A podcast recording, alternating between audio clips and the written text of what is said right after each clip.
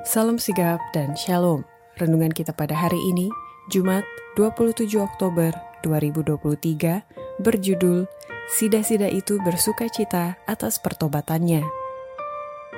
Ayat intinya terdapat di dalam kisah para rasul 8 ayat 38. Lalu orang Ethiopia itu menyuruh menghentikan kereta itu dan keduanya turun ke dalam air, baik Filipus maupun sida-sida itu, dan Filipus membaptis dia.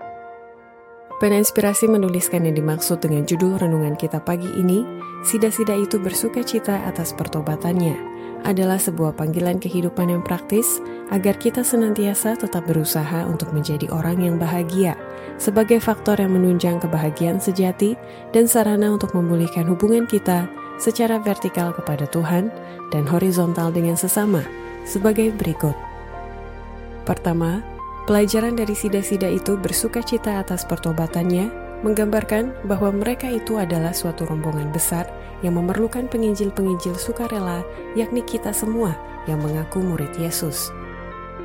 Orang Ethiopia ini menggambarkan suatu rombongan yang besar yang memerlukan penginjil-penginjil sukarela seperti Filipus, orang-orang yang akan mendengar suara Allah dan pergi ke mana ia mengutus mereka.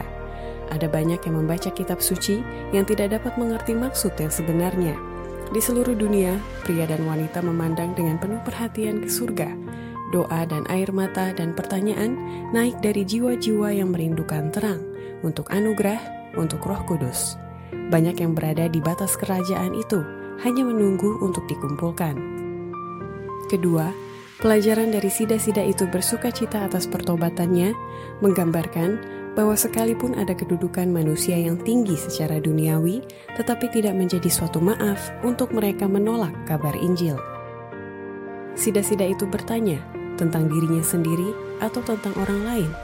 Lalu Filipus membukakan kepadanya kebenaran penebusan yang besar. Pada tulisan yang sama, mulailah ia memberitakan Injil Yesus kepadanya. Hati orang itu sangat terharu, sementara kitab suci diterangkan kepadanya. Dan bila murid itu sudah selesai, ia sudah sedia untuk menerima terang yang diberikan. Ia tidak menjadikan kedudukan yang tinggi secara duniawi suatu maaf untuk menolak Injil. Ketiga, pelajaran dari sida-sida itu bersuka cita atas pertobatannya, menggambarkan bahwa Tuhan menghendaki kita mau bekerja sama dengan malaikat Tuhan, sebagaimana ia mengirim Filipus melakukan pekerjaan bagi orang Ethiopia itu seorang malaikat menuntun Filipus kepada seorang yang sedang mencari terang dan yang sedia untuk menerima Injil. Dan pada dewasa ini, malaikat-malaikat menuntun langkah-langkah dari pekerja-pekerja yang akan mengizinkan Roh Kudus untuk menyucikan lidah mereka dan menghaluskan serta memuliakan hati mereka. Malaikat yang dikirim kepada Filipus dapat melakukan pekerjaan bagi orang Ethiopia itu, tetapi hal ini bukanlah cara kerja Allah. Adalah rencananya bahwa manusia harus bekerja untuk sesama mereka.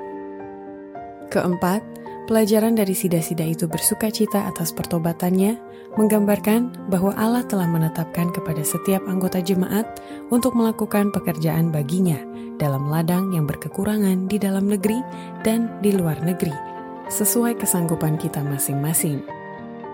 Lama Allah telah menunggu bagi roh pelayanan untuk mengambil tempat dalam seluruh sidang sehingga masing-masing akan bekerja baginya sesuai dengan kesanggupannya. Bila dari anggota-anggota sidang Allah melakukan pekerjaan yang ditentukan bagi mereka dalam ladang yang berkekurangan di dalam negeri dan di luar negeri, dalam memenuhi tugas Injil, seluruh dunia segera akan diamarkan, dan Tuhan Yesus segera akan kembali ke dunia ini dengan kuasa dan kemuliaan besar dan Injil Kerajaan ini akan diberitakan di seluruh dunia menjadi kesaksian bagi semua bangsa. Sesudah itu, barulah tiba kesudahannya. Matius 24 ayat 14. Demikianlah renungan kita pada hari ini. Kiranya Tuhan memberkati kita semua.